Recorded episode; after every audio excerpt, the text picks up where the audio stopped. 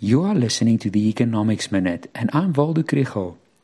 There is so much news this week about the major economic issues in South Africa that it's difficult to take or leave, and I decided to give a brief overview.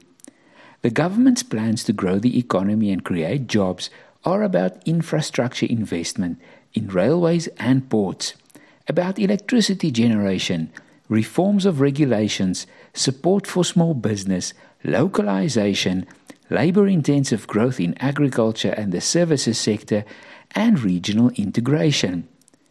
But research from an initiative called the COVID Project thinks that we need to go even further.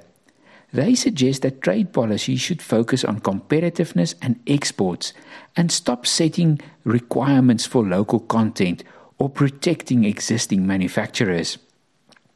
They also propose comprehensive labor market reforms, such as easing the BEE burden and scrapping collective bargaining. There may be a focus on renewable energy and the reform of immigration so that South Africa can attract highly skilled foreigners. There are suggestions that you don't hear every day.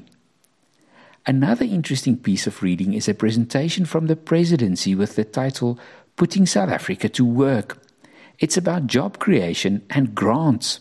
It's clear that in the run up to the mini budget, there's a lot of thought going into what the 350 Rand COVID SRD grant will look like beyond April 2023.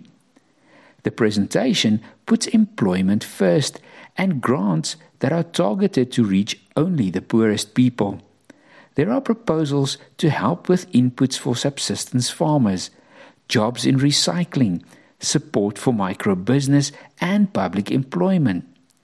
There's talk that the grants should be linked to conditions. Now, these are sweeping ideas, and I hope to talk more about them later.